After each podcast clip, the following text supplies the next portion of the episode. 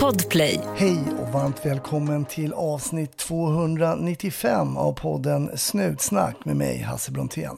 Ja, jag bryter en era här när det har varit eh, ja, nästan sex år av tisdagar med ett avsnitt i veckan. Det blir en liten sommarpaus efter just avsnitt 295. Stort tack till dig som har lyssnat. Extra stort tack till dig som har varit Patreon. Jag bugar och bockar. Men stay tuned, eh, finns kvar på Instagram och Facebook så kommer jag hojta till när det händer någonting, vilket det givetvis kommer göra efter sommaren. Dagens gäst, Linda. Ja, hon kom in eh, i polisyrket, eh, ja, alla kommer in på sitt unika sätt och snart får du höra Lindas och vad som hände henne redan på det tredje passet. Någonting som många poliser förbereder sig på som kanske aldrig händer en. Eh, som för mig under en 20-årig karriär. Men det hände Linda. Hör om den historien, om vad som hände efteråt. Tankar kring och efter, ska jag väl säga. Ja, nu vill jag önska dig en fantastisk sommar 2023 och eh, vill såklart att du är försiktig där ute. Och att du också får ett riktigt trevligt avsnitt. 1310 1070 kom. 1310 Odengatan kom. Ja, det är uppfattat. Vi tar det. Slut. Bra. Klart slut. Varmt välkommen till Snutsnack Linda. Tack så mycket, tack. Ja, du har ju åkt tåg upp eh, till eh, huvudstaden. Hur gick det? Ja, men det gick bra. Tågen gick i tid och allting, så att det får man vara nöjd över. Ja, det får man verkligen. Men det är inga löv på spåren nu. Så att, ja. Nej, precis. Det är ju strålande sol och bra underlag. Linda, du blir ju här nu faktiskt eh, det sista avslutet innan avsnittet innan Snutsnack tar en liten sommarpaus. Ja. Så det ska, och jag vet att vi har ju faktiskt fuskat lite för vi har varit och käkat lunch tillsammans. Mm. Så, jag har, eh, så jag vet lite om din background. Men jag tänkte att lyssnarna ska få veta lite också för du har gjort många spännande saker. Eh, kan du inte bara berätta hur, hur du kom in i, liksom i, polismyn, i polis, Polismyndigheten? Hur landade du där från början? För det var, polis var inte riktigt det du hade planerat att jobba som? Nej, men så var det. Jag eh, läste ju till statsvetare, eh, politisk magister och jag har alltid gillat att vara utomlands, har rest mycket, bott utomlands lite omgångar. Så jag tänkte att jag vill ju jobba inom ja, diplomat, alla statsvetares dröm, Okay. eh, eller jobba på ambassad och så. Eh, jag gjorde det under kortare perioder, men kände att jag var nog för hemmakär ändå. Så eh, jag ville liksom stadga mig i Sverige. Mm. Var det just liksom eh, hemorten som drog eller var det mer Sverige liksom som drog? Nej, men det var nog Sverige i stort. Ja, Vi har ett bra land här. Så mm. att, ja eh, men verkligen. och det är ju för och nackdelar att bo utomlands och ha en vardag utomlands. Det är ju Just inte det. samma sak som att vara på semester. Var det på olika ställen utomlands eller var det på samma? Eller var det? Ja, men det var mest åt Spanien-hållet faktiskt. Ja. Pratar du spanska också? Jag gjorde det riktigt bra när det begav sig. Men man glömmer ju lätt om man inte tränar. Ja, så är det verkligen med språk. Man måste verkligen hålla det aktuellt. Jaha, så då kommer du på liksom att eh, nej, men det kanske inte blir någon diplomat av mig då. Nej, precis. Det blev det ju inte. Det blir ju inte alltid som man planerat och det är ju faktiskt bara bra ibland. Men vad händer då? då? Nej, men då sökte jag till Försäkringskassans utlandsavdelning som eh, utlokaliserades till Visby. När man la ner regementet där 2005 tror jag Ja, det var. det P18? eller? P18, ja, precis. Och eh, då skulle man ju placera ut andra myndighetsorgan på samma ort. Så vi var en hel del yngre, nyutexade, ja, 25-plussare. Och några eh, gamla äldre militärer som fick jobb på den här utlandsavdelningen på Försäkringskassan. Och vad, vad var det för avdelning? Vad gjorde man där? Nej, men man jobbade med bidragstagare som eh, eh, bodde utomlands helt enkelt. Man, eh, Ja, som inte egentligen skulle ha bidrag då? jo då, jo då. Eh, man kanske hade en eh, sjukersättning, förtidspension eller någon annan ersättning. Okej. Men man eh, hade valt att placera sig i Spanien bland annat. Ah, okej. Eller andra orter. Så jobbar vi mycket med eh, underhållsbidrag eller underhållsstöd. Där ena föräldern bor utomlands och ska betala för sina barn i Sverige. Jaha, sån logistik Mm. liksom. Ja, sånt ska också funka. Precis. Så det var mitt eh, första fasta jobb egentligen då. Och då var det bra att kunna spanska eftersom jag jobbade mot Mm, just det. Spanien. Och det är ju många svenskar som har smitit iväg till Spanien nu. Marbella, sånt där. Precis, jo men så är det. Så är det. Ja. Mm. Och hur länge var du där då? Nej, jag var där ett par år, men eh, under den perioden så började ju Försäkringskassan med sin eh, kontrollverksamhet.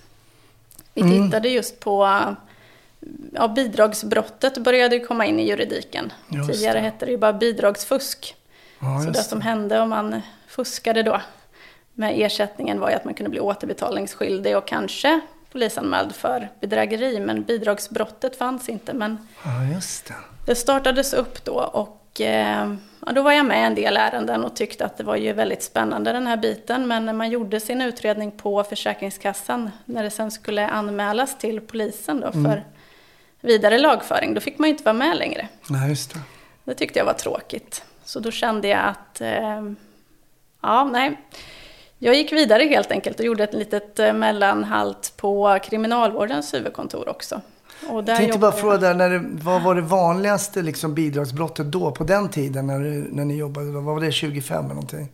Ja, det var ju, man kunde ju, det är bidragsbrott med olika ersättningar. Ja. Föräldrapenning eller vab eller assistansersättning och Ja, just det. Det finns olika. Mm. förtidspension och att man jobbar samtidigt. Och så. Varför slutade då? Var, kände du att det, just att det var det där att du hade velat hänga med? Nej, men jag ville nog flytta från Gotland. Jag är inte därifrån egentligen. Så ah, jag ville komma till fastlandet igen. Ja. Så då drog jag mig vidare som sagt till eh, Kriminalvårdens huvudkontor. Kommer du liksom närmare och närmare hemåt? Ja, Först det när jag. var i Sverige och så var det Gotland och så dras det. Absolut. Nej, men de östra regionerna där av Sverige är ju min hemort. Ja, just det. Men kriminalvården, vad var det för tjänst där då? Eh, Då jobbar jag som analytiker och då tittar man på olika gängkonstellationer inne på anstalterna. Eh, Hur man skulle placera de intagna och så vidare. just det. Det är sånt där mer man har sett på så prison break och sådär. Ja, men alltså nu, nej men att det är så olika gäng. Det där kunde man nästan inte se i Sverige för ja, bara så här 30 år sedan kanske. Att man skulle ha olika gängbildningar inne på fängelse. Jaha, så vi kollar på Mm. sånt. Och det är ju mycket för de intagnas egen säkerhet. För man Ja. ska ju vara säker när man avtjänar ett straff också. Så att så här då lite enkelt och inte en HA-medlem i- sitter med någon Bandidos-kille typ eller? Ja, det finns ju lite olika teorier hur man ska göra där. Ja, Men det gör det. eh, mm, Kanske ska bli kompisar istället. kan man bli. Eller bryta sitt medlemskap, gärna. Ja, just det. Just det. Okej, men vad hade du för kunskaper liksom om gäng och sånt där innan du kom dit till kriminalvården då? Nej, det var inte jättemycket. Men Nej. jag fick ju lära mig en del. Allt eftersom. Och eh, ibland kan det ju vara bra att komma in med nya ögon också. Ja. Men är det någon form av självstudie då? Att du liksom läste på om gäng eller fick du någon form av grundutbildning liksom? Eller hur, hur går det till? Nej, men det grundar sig ju i individer som avtjänar straff. Och sen eh, har man ju mycket samverkan då med polisen bland annat. Så det, är ju det, det var ju då jag fick in ett spår mot polisen också. Just det, var det Och första sen, eh, liksom, kontakten med, med Polismyndigheten då eller? Ja, det var ju genom Försäkringskassan egentligen. Ja, ja, det var det såklart. Men eh, om vi ska komma till varför jag började på polisen sen, eller sökte mig dit, så var det väl de här erfarenheterna från kriminalvården och Försäkringskassan tillsammans Ja. Som gjorde att jag kände att jag ville jobba med brottsutredning och lagföring. Mm. Ehm, jag sökte mig till en tjänst eh, som operativ analytiker, civilanställd då, Mm. för att jobba med grov organiserad brottslighet. Man hade lite olika satsningar inom Polismyndigheten. Och då ville man ha med en civil analytiker så man inte bara hade polisiära ögon i utredningarna. Okej, okej. Och vad var din uppgift då, då som civilanalytiker komma in här med, med, med, med poliser? Vad, vad, vad, skulle, vad var du satt att göra? Så att Nej säga? men jag var ju satt att göra eh, mycket som en operativ analytiker gör inom polisen. Att man sammanfogar eh, material som kommer in från spaning eller hemliga tvångsmedel eller, eller annat underlag som man jobbar med. Men sen att jag skulle ha ett bredare perspektiv. Jag hade ju min bakgrund därifrån eh, bidragsbrotten och, och kriminalvården. Så jag skulle titta mer på den ekonomiska biten kanske, företagsbiten, mm. andra aspekter än ren traditionell polisiär kunskap med vapen och narkotika och sådär. Hur var det att komma in då eh, till Polismyndigheten från de här andra, du kommer från Försäkringskassan och Kriminalvården då framförallt, där du ändå jobbat lite, lite och touchat liksom polisarbetet. Ni lämnade ju över utredningar från Försäkringskassan och lite med kontakter angående gäng, kriminella. Så hur var det att komma in i Polismyndigheten? Kunde du märka någon skillnad från de två tidigare arbetsplatserna där? Jo, men det kunde jag göra. Det var ju väldigt spännande att komma in i den här Polismyndigheten och med de här arbetsuppgifterna. Det var jättemånga bra, kloka kollegor som hade jobbat länge och eh, jag hade god erfarenhet. Och jag kände att eh, vi gjorde ett bra arbete tillsammans. Jag hade ju lite nya ögon på, ja, men på ärendena ibland. Mm. Kan det vara ehm. så att poliser är lite ibland eh, tunnelseende är väl kanske fel uttryck egentligen, men att man blir liksom för polisiär. Att du säger det här att det kommer in nya ögon från mm. en helt annan vinkel. Hur viktig kan den vara så att säga? Ja, men den är ju oerhört viktig. För många, eller alla som är poliser har ju gått samma skola. Man har ju gått Polishögskolan. Det är samma utbildning. Mm. Eh, även om det är på olika orter och i olika årgångar. Eh, så är det ju samma grundutbildning och det ska det ju vara. Mm. Men det kan vara svårt att tänka bredare och tänka nytt ibland då. När man har likasinnade som kommer från samma grund. Så det blir det här klassiska utanför boxen-grejen då? Att någon kanske tänker utanför den här inlärda liksom, boxen som många har gått ja. i samma... Ja, jag skulle ju försöka helt enkelt att göra det. Ja. Sen är det ju lätt, man hamnar ju lätt i samma tänk som ens kollegor. Mm. Ehm, men eh, jag jobbade där i flera år i den här mm. gruppen och ehm, vi hade många framgångsrika ärenden. Det var väldigt spännande. Men jag kände rätt snabbt att när man var civil så man var lite halv. Ehm. Ja, för det är intressant. För idag är du mm. utbildad polis, det ska vi mm. komma till såklart. Men du har ju också den förmågan att kunna jämföra att vara civilanställd, jobba i en polisiär grupp och att vara polis och jobba i en polisiär grupp. Mm. Du säger att man kände sig lite halv. Varför då? Nej, men dels så... Jag kunde ju utredning. Jag lärde mig utredning, juridiken. Men jag hade ju inte varit ute på ärenden. Nej. Jag kunde inte polislagen. Eh, det fick man ju lära sig allt eftersom. Men man hade ju ändå inte erfarenheten att stå där och då. När det kanske hettar till. Eh, så jag kände rätt snabbt att jag kanske borde bli polis. Jag blev lite sugen på det. Mm. Så redan efter ett par år så sökte jag faktiskt till polisutbildningen. Men kom inte in. Jag klarade inte styrketesterna helt enkelt. Nej, var, var, det något speciellt, var det något speciellt test? Var det dockan? Ja, det var dockan. Det var dockan? Denna docka. Ja. eh, den var tung och jag hade ju inte tränat ordentligt helt enkelt.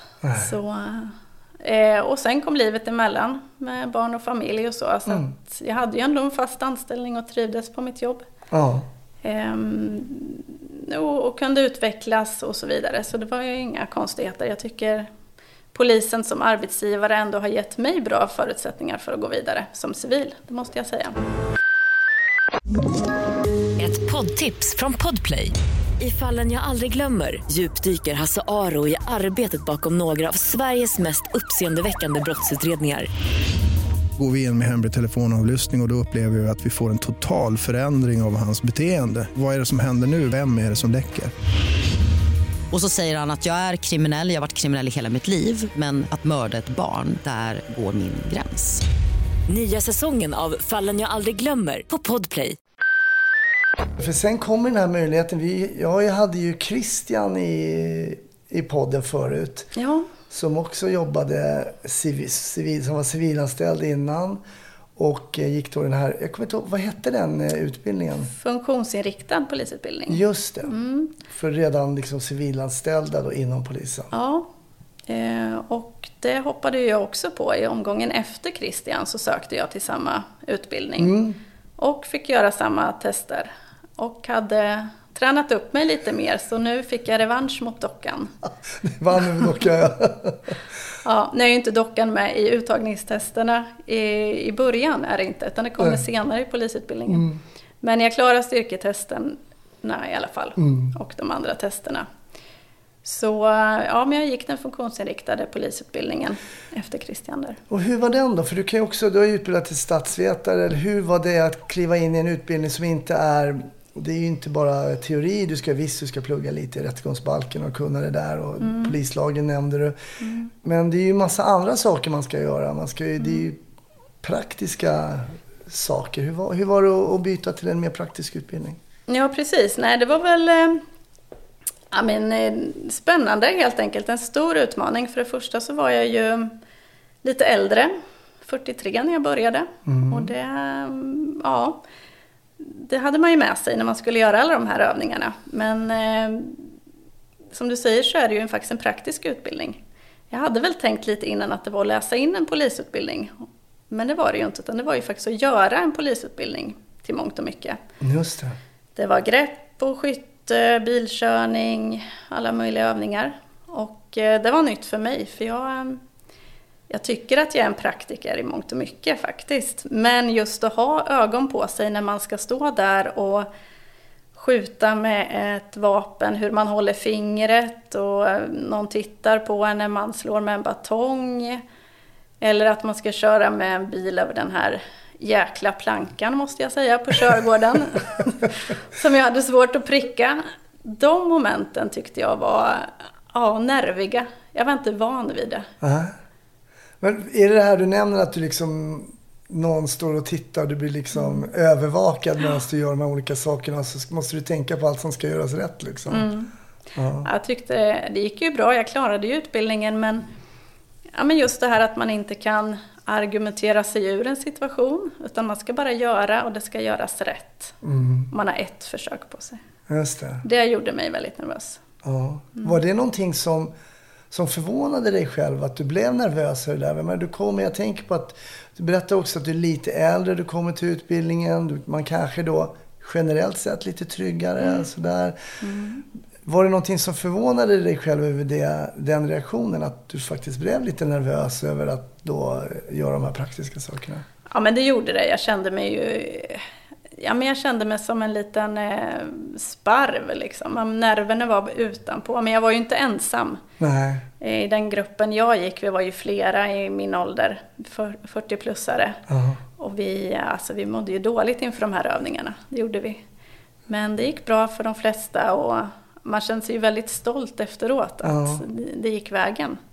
Och man ser ju också vitsen av att faktiskt träna de här sakerna. Det är ju jätteviktigt att kunna skjuta bra, kunna göra greppen rätt. Och Plankan vet jag inte om det är så bra men att komma in i ett garage är ju viktigt utan att repa bilen och sådär. Ja, ja. Men sen är det ju också, det är ju ganska, det kan väl anses också, eller det är ju liksom repetitivt många saker. Att det är inte så bara så, ja, eh, nu gör ni det här greppet, ja, imorgon gör vi ett nytt grepp. Utan man gör ju många, och det kan ju nästan kännas lite kanske tjatigt ibland. Jo, absolut, men det är väl det som är vitsen, tänker jag, att det ska sätta sig i muskelminnet. Ja. Och mängdträningen är ju oerhört, oerhört viktigt. För jag tänker det här också som man eh, inte alls gör när man pluggar till statsvetare eller någon annan så mindre, mindre praktiskt yrke. Just det här att liksom börja brottas och hur var det då? Att liksom gå in i grepphallen och börja bryta på folk eller bli bruten på också lite grann. Hur var det? Ja, men det var ju liksom att få kliva över en eh, mental spärr. Att det är ju inte ofta en tjej framför allt tar ett strypgrepp på en annan tjej. Som Nej. man kanske dessutom pluggar ihop med och tycker om. Så nej, men det fick man ju lära sig att nu, eh, ja, min, min kompis som jag ofta brottades med, nu lägger vi oss här och nu, nu stryper jag dig och sen är det din tur. Och så snurrar vi runt och sen tar vi fram låtsaskniven här och det är jätteroligt egentligen att utmana sig själv. Ja. Ja. Ja, men intressant för att komma från något sånt där man är statsvetare. Det blir ju så. Det kommer ju så många saker som man kanske inte riktigt reflekterar över ingår i en polisutbildning. Nej. Liksom. Nej men där var ju jag väldigt glad att jag hade haft syskon till exempel. Jag får slagits lite Ja, med men- dem. Ja, men mitt närmsta minne var ju när man slogs med brorsan till exempel. Så Ja. det tackar jag honom faktiskt för, att, eh, att vi hade brottats en del i min barndom. Ja, ja, du ser. Jag har aldrig fel med, med, med syskon ibland. Nej då. Ehm, ni, du blir färdigutbildad, du klarar dockan och du klarar att hoppa ner på det djupa och klädsimma och allt vad man gör. Mm.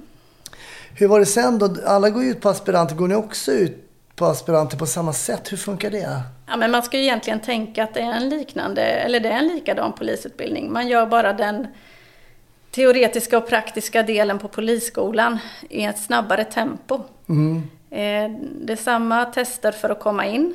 Sen är det ett snabbare tempo på polisskolan. Men sen ska man ut på aspiranten precis som alla andra polisstudenter. Eh, Så jag gjorde aspiranten i ett halvår. Ja.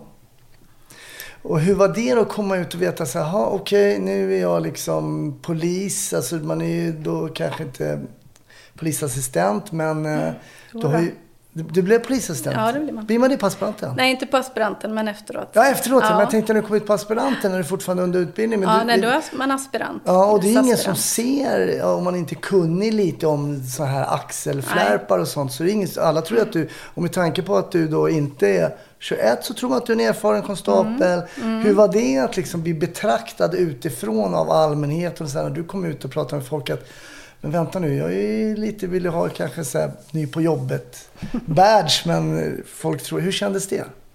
Nej, men jag tyckte det kändes bra. Just att prata med folk tycker jag har varit... Ja, men det känner jag mig väldigt bekväm med. Mm. Och jag tror att man då som eh, kanske kvinna och lite äldre inte skapar så mycket dramatik heller. Nej. Utan det är en tryggande person som kommer och Mm. pratar med dig. Mm. Eh, sen var jag ju inte van vid vad jag skulle göra alla gånger. Eh, vid rapportering, vad jag skulle säga och radion och allt det här. Nej, Men det får man ju ta med sin eh, instruktör. Ja. Eh, men samtalen med de man mötte tyckte jag mm, gick bra. Och man har ju pratat med många olika typer av människor genom åren och det är ju en fördel. Mm. Ja, absolut. Tror jag. Det är en, absolut en fördel. Men jag vet också att när du är ute på ditt, du får rätta mig om jag har fel, men ditt tredje pass som aspirant. Eller som Nej, färdig. Som färdig. Som färdig. Ditt tredje pass som färdig polis. Så åker ni på något ärende. Vad är det för ärende ni åker på då? Ja, men du är ju klar som sagt och sen har ju jag, när man går funktionsinriktade utbildningen så går man ju tillbaka till sin gamla tjänst som man hade. Just Så det. att jag hade ju en eh, tjänst inne, Mm. eh, en chefstjänst. Men jag fick till att jag skulle ut då och då som eh, yttre polis på IGV för att jag ville inte glömma bort kunskapen. Det var ju nytt för mig. Så Mm. att jag gjorde en del pass ute under det första året. Och då på mitt tredje pass som färdig polis så eh, var jag med om en händelse som eh, ja, är lite exceptionell. Och det som hände var, jag kan ju dra kvällen i stort. Det tycker jag. Ja, det Mm. var i... ehm, det var vinter. Det var en torsdagkväll. Och den kollegan som jag åkte med, han och jag hade skojat lite innan om att nu är det väldigt många julbord, det här kommer bli mycket fyllor ikväll. Mm. Så det fanns ju liksom bak i huvudet där att nu, nu är det en sån här julbordskväll. Och eh, ja, vi gick väl på passet där vid tre. Eh, vi hade faktiskt två riktigt tuffa ärenden rätt snabbt på varandra. Det var ja, men lite så familjehändelser, barn inblandat, SOS, någon kniv. Det var ja, men, händelser som kändes faktiskt. Mm. Eh, ja, om man ska skoja till det lite, jag har faktiskt frågat kollegan om jag fick säga det här så jag Ja, det, han, var, han var lite risig i magen också, så det var en del toalettbesök på vägen. Sånt kan Ja, också hända. Så den här mentala förberedelsen för det som skulle komma där vid åtta tiden på kvällen var väl inte på topp egentligen. Ah, okej. Vi hade dragit in på stationen och skulle äta vid åtta. Jag hade satt in min matlåda i mikron. Vridit på. Kollegan var på toa då. Eh, jag tror jag tog ett par skumtomtar som låg där i lunchrummet för att äta lite snabbt. Och så fick vi ju ett larm igen eh, om att det var en stökig person som eh, uppehöll sig på någon innergård. Eh, och då tänkte jag som ja, nu är det nog en, en fylla helt enkelt Mm. från det här julbordet som jag hade tänkt att det skulle bli. Så jag fick knacka på toadörren och säga till min kollega att nu måste vi ut, skynda dig på. Ehm, Stackarn. Ja, det var faktiskt synd om honom.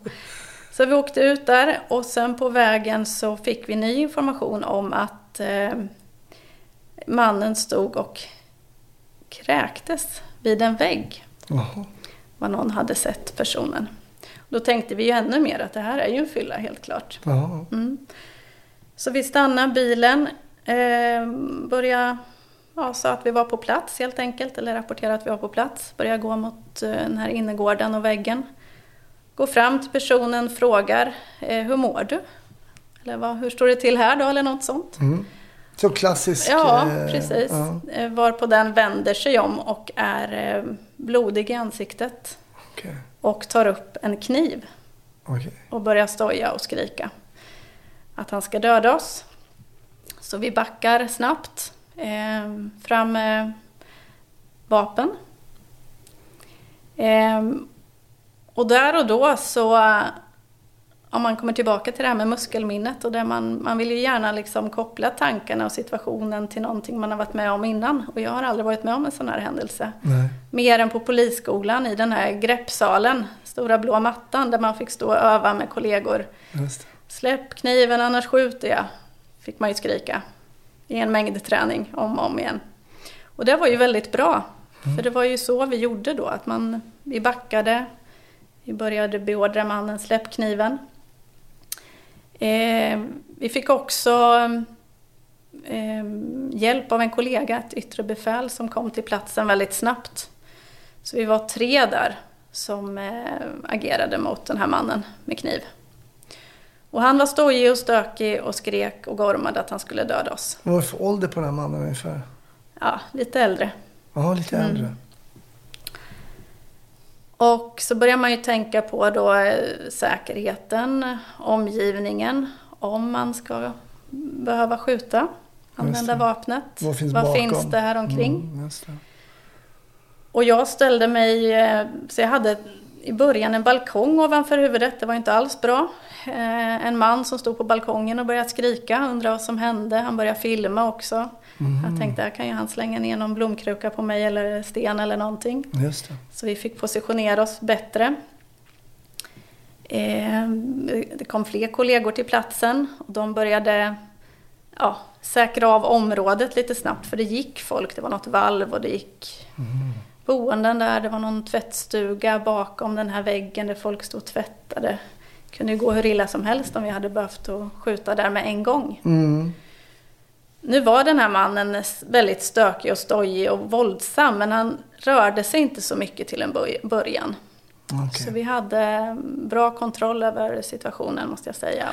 Fick du en känsla av att den här mannen förstod att ni var poliser? Ni var ju uniformerade förstås, men var, var det klart för honom tror du, liksom, vilka ni var och sådär? ja men det tror jag. Ja. Absolut. Mm.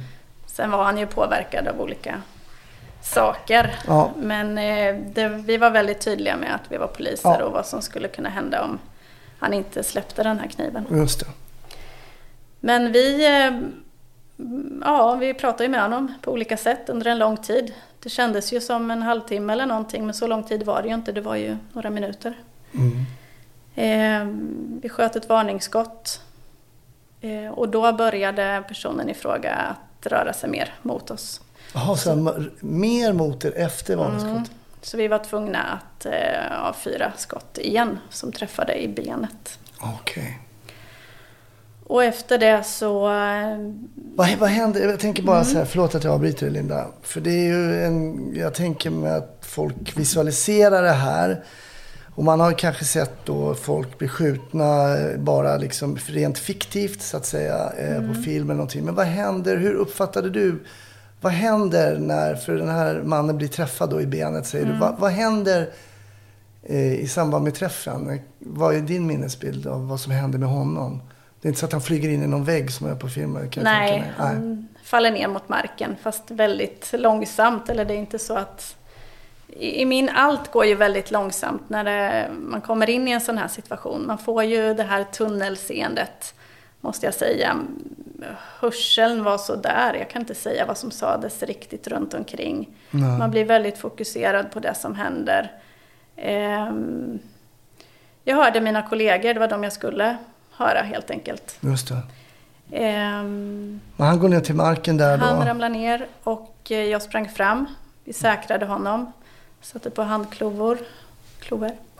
Eh, och eftersom man är träffad så, eh, när man har säkrat upp mannen eller personen i fråga så kommer ju det till det vårdande uppdraget då.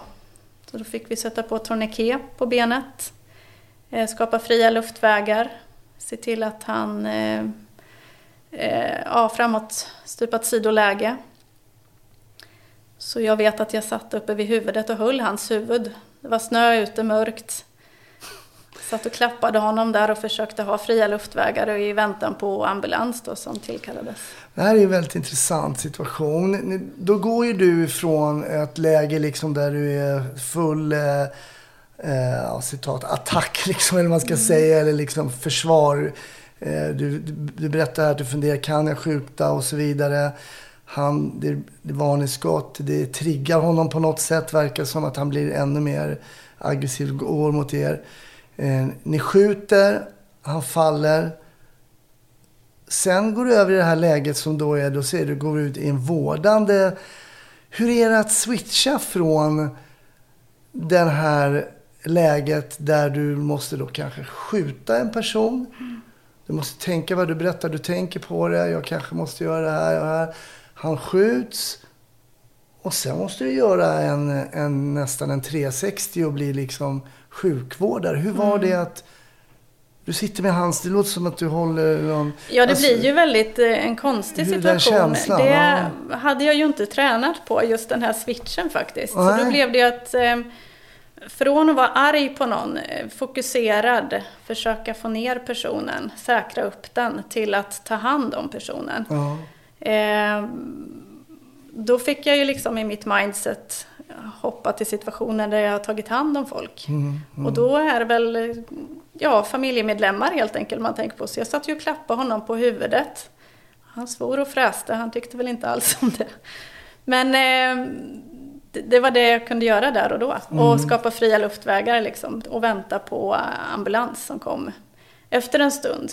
Mm. Eh, ja, men det är lite jobbigt mentalt och känslomässigt att switcha. Kunde du känna, du berättade att du hade lite så klassiskt tunnelseende och hörseln och sådär. Och det är ju mm. helt naturligt precis som det som händer när man går in i det här eh, liksom försvarsmode på något sätt. Mm. Kunde du känna att det vidgades upp efter ett tag eller att du kunde liksom komma ner i något mer den här spända kanske, eller den här spänningen som är, kunde, lossnade den efter ett tag? Eller hur var det? Ja, men det gjorde det när man satt där och väntade på ambulansen. För då var han ju säkrad och kändes det ändå som en säker mm. situation. Hur var det med folk runt omkring då? Det brukar ju finnas en tendens att det är många som är nyfikna. Och så. Nej, men det var, vi hade kollegor som kom som eh, tog undan folk där. Mm. Så att, eh, mm. Eh, det kan ha varit mitt tunnelseende också. Men jag kände att det var, vi, vi var rätt ensamma där med mannen tills eh, ambulanspersonalen kom faktiskt. Ah, okay. mm. Och eh, efter att han hade lämnat till sjukhus så då kunde man slappna av mer. Mm. Fast då var man ju väldigt speedad å andra sidan. Kände du det? Ja. Oh, ja. ja. Det är också en sån här krisreaktion som man har oftast, att den sitter i i flera dagar ja. innan det släpper. Vad gjorde man från myndighet? Jag tänker på chefer och, och, och, myndigheten i sig så här när man har varit med om sådana Vi har ju hört att man får ja, gå på... Nej, men jag tycker man... att Polismyndigheten i alla fall, min, mitt område där jag jobbar, hade en väldigt bra krishanteringsstöd. Mm. Och eh, jag är glad över att man fick läsa en del om det i närtid då för att jag själv reagerade rätt exakt så som ja, de säger att man ska göra.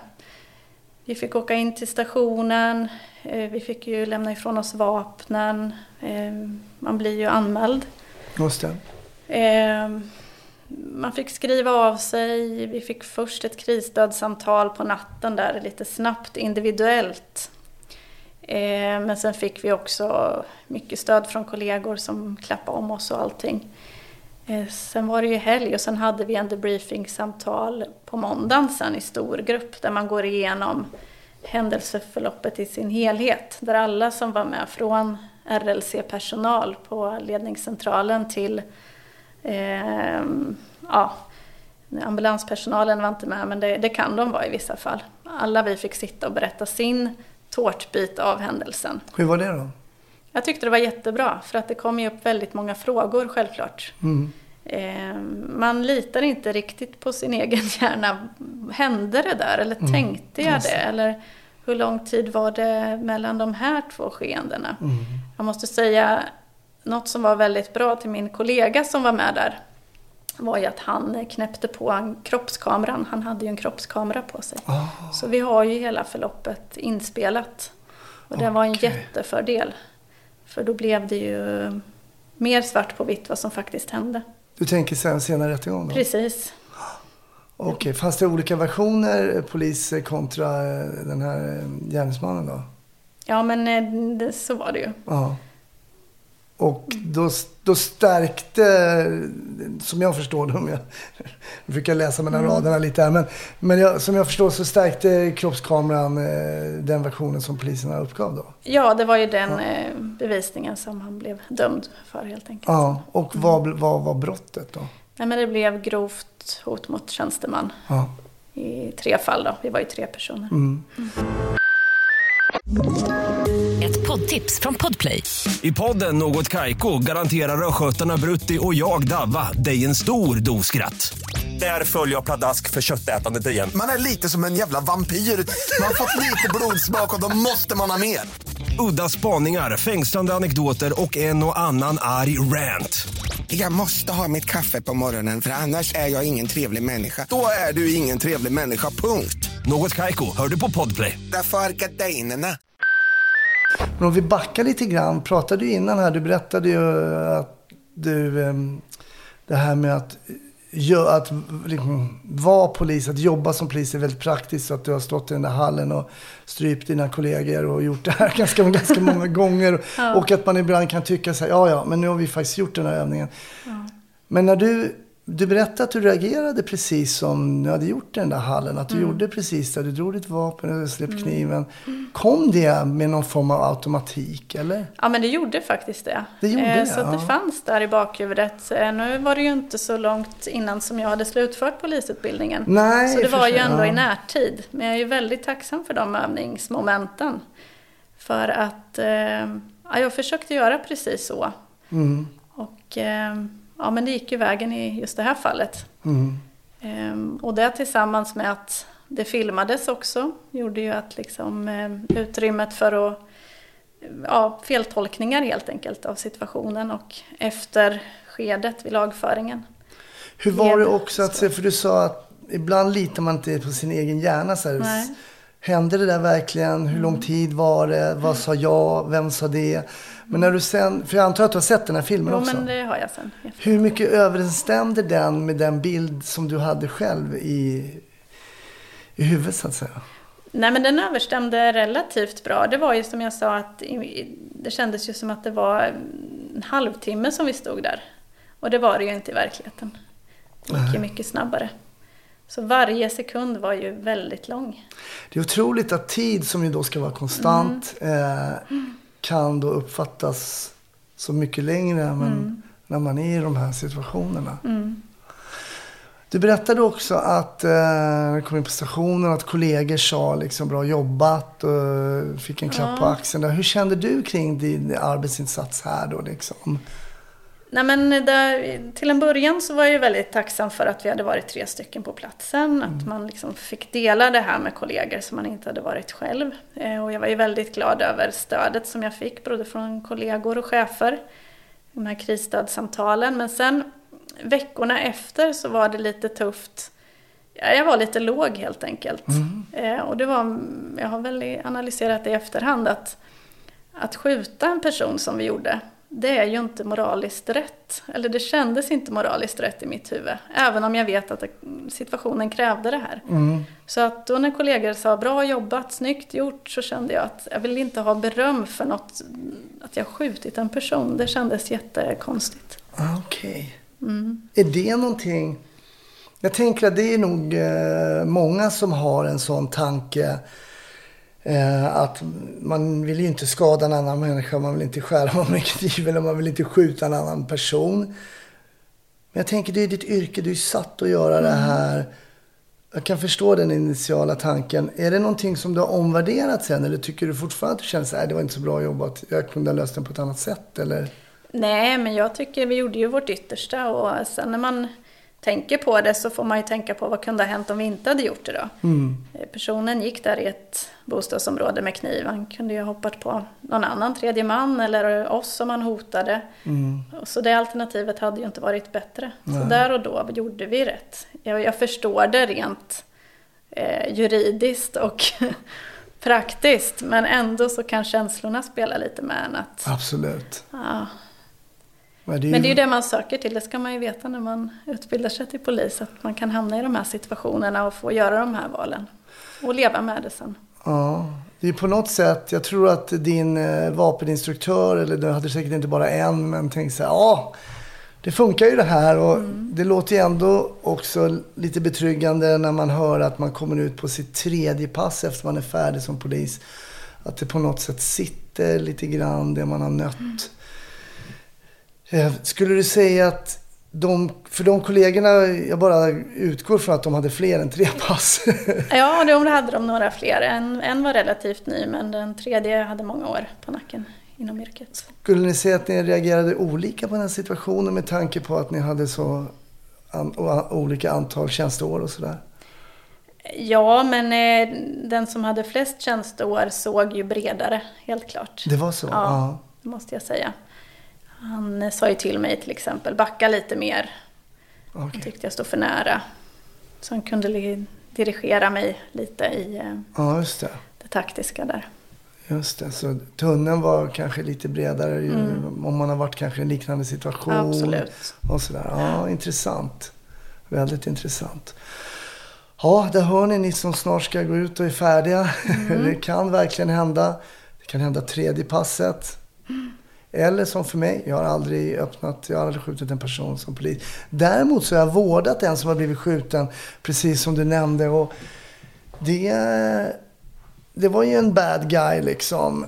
Eh, som hade gjort någonting riktigt, riktigt dumt. Men jag tyckte det kändes ganska bra att faktiskt vara den där vårdande personen. Och där, det är det som skiljer. Vi gör det här. Vi, vi, mm jag vet vad du är misstänkt för och sådär. Men eh, jag tänker ändå göra mitt bästa för att du ska överleva.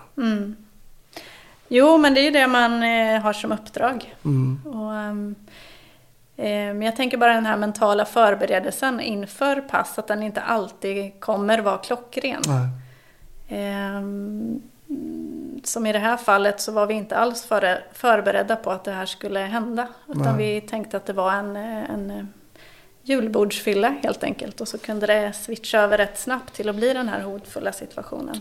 Men det här är ju, jag tänker att det är så oerhört eh, mänskligt och förklarligt på något sätt. Eh, eh, det är ju då, det är den årstiden, det är mycket julbord. Vad händer efter julborden? Man har upplevt det här för eh, Folk blir berusade efter julborden. Det är gratis sprit i vissa fall och så vidare. och så vidare. Det är också baserat på kunskap. Liksom att, Men så kommer det här som sticker ut.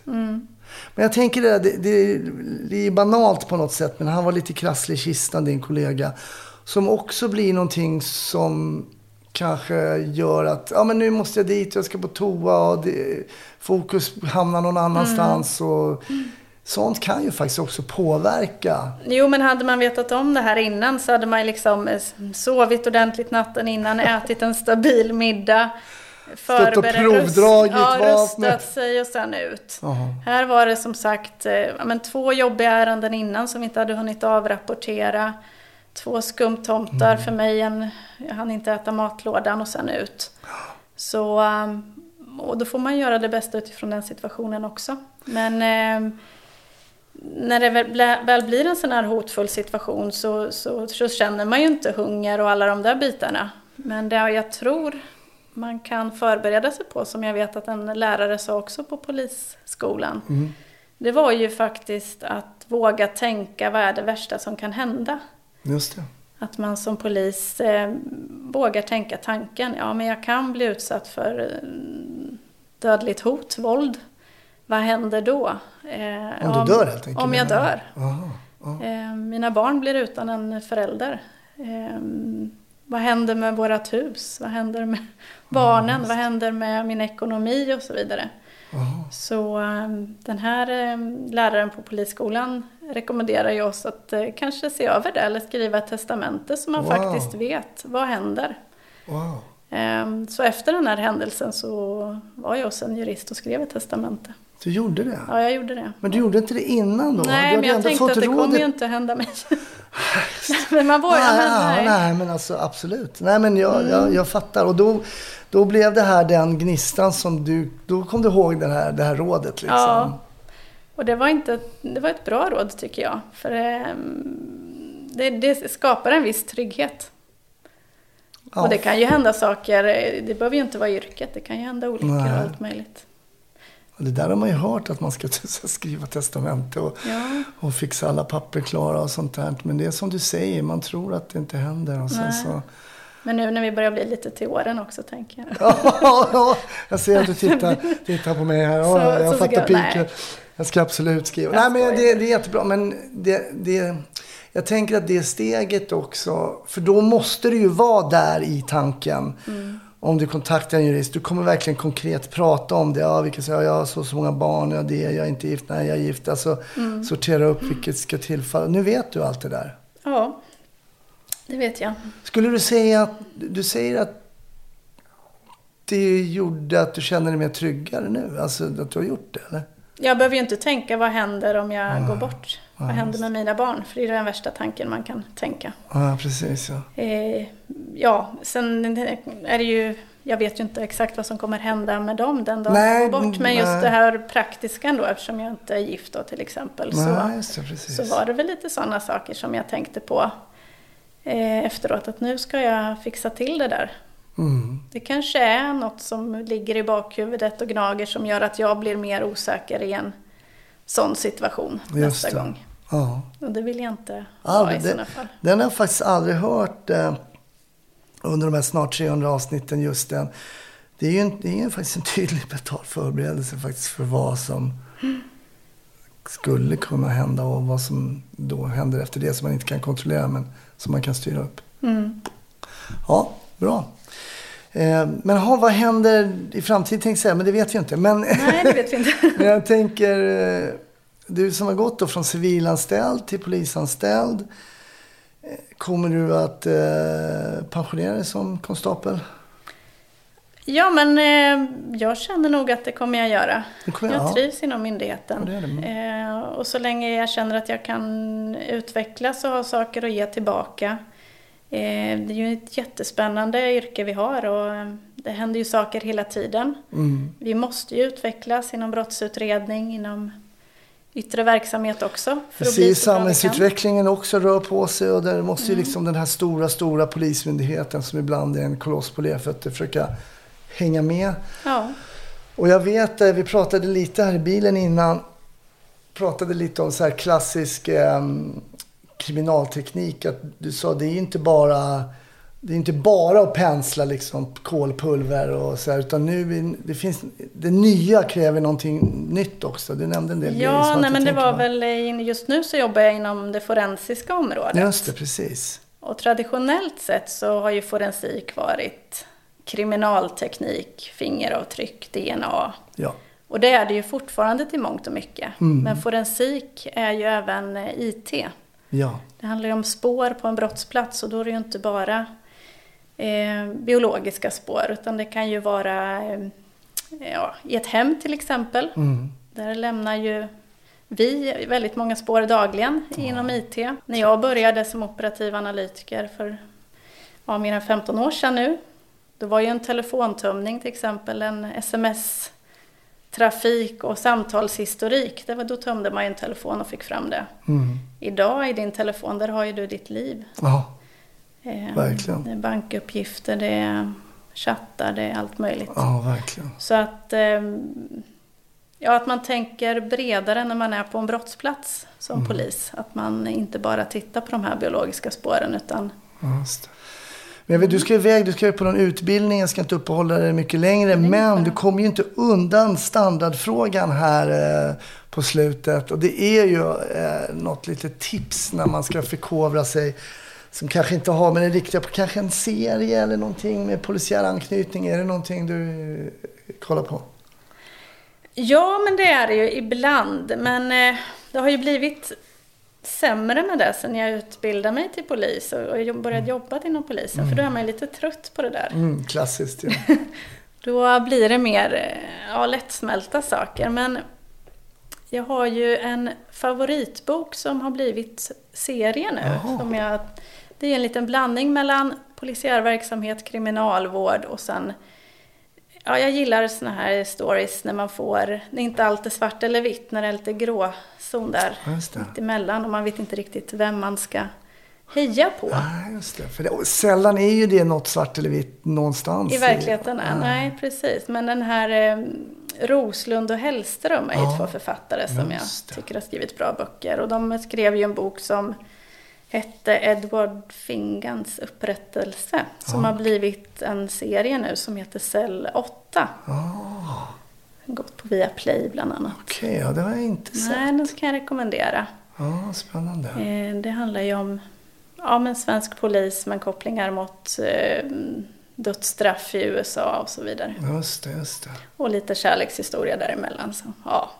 ja, men det måste ju vara lite konflikter, på. lite ja. kärlek sådär. Så vi kan, och så en cliffhanger på det. Ja, men det blir ju perfekt. Stort tack Linda för att du var med i ett avsnitt av Snutsnack. Det blir det sista här innan jag, jag tar lite sommarlov. Mm, Paus. Det gör du rätt i. Ja, jag önskar dig och alla lyssnare givetvis en fantastisk sommar. Mm. Tack för att du berättade om vägen in till polisen, eh, hur du också blev utbildad polis från ja. att ha varit civilanställd. Och att du berättade om ditt tredje arbetspass som polis. Där det hände någonting exceptionellt som kan hända vem som helst. Mm, första, eller, eh, första passet eller inne på 25 året eller något sånt där. Varmt tack! Ha det fint, var försiktig där ute och ta hand om dig Linda och alla andra. Tack snälla för att jag fick komma. Det var det Lena. Mm. Hej.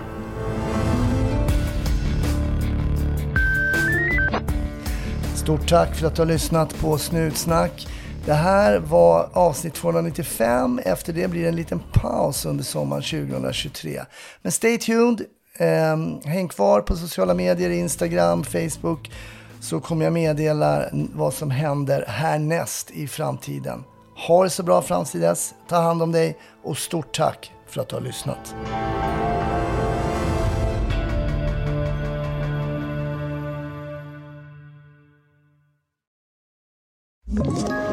Ett poddtips från Podplay.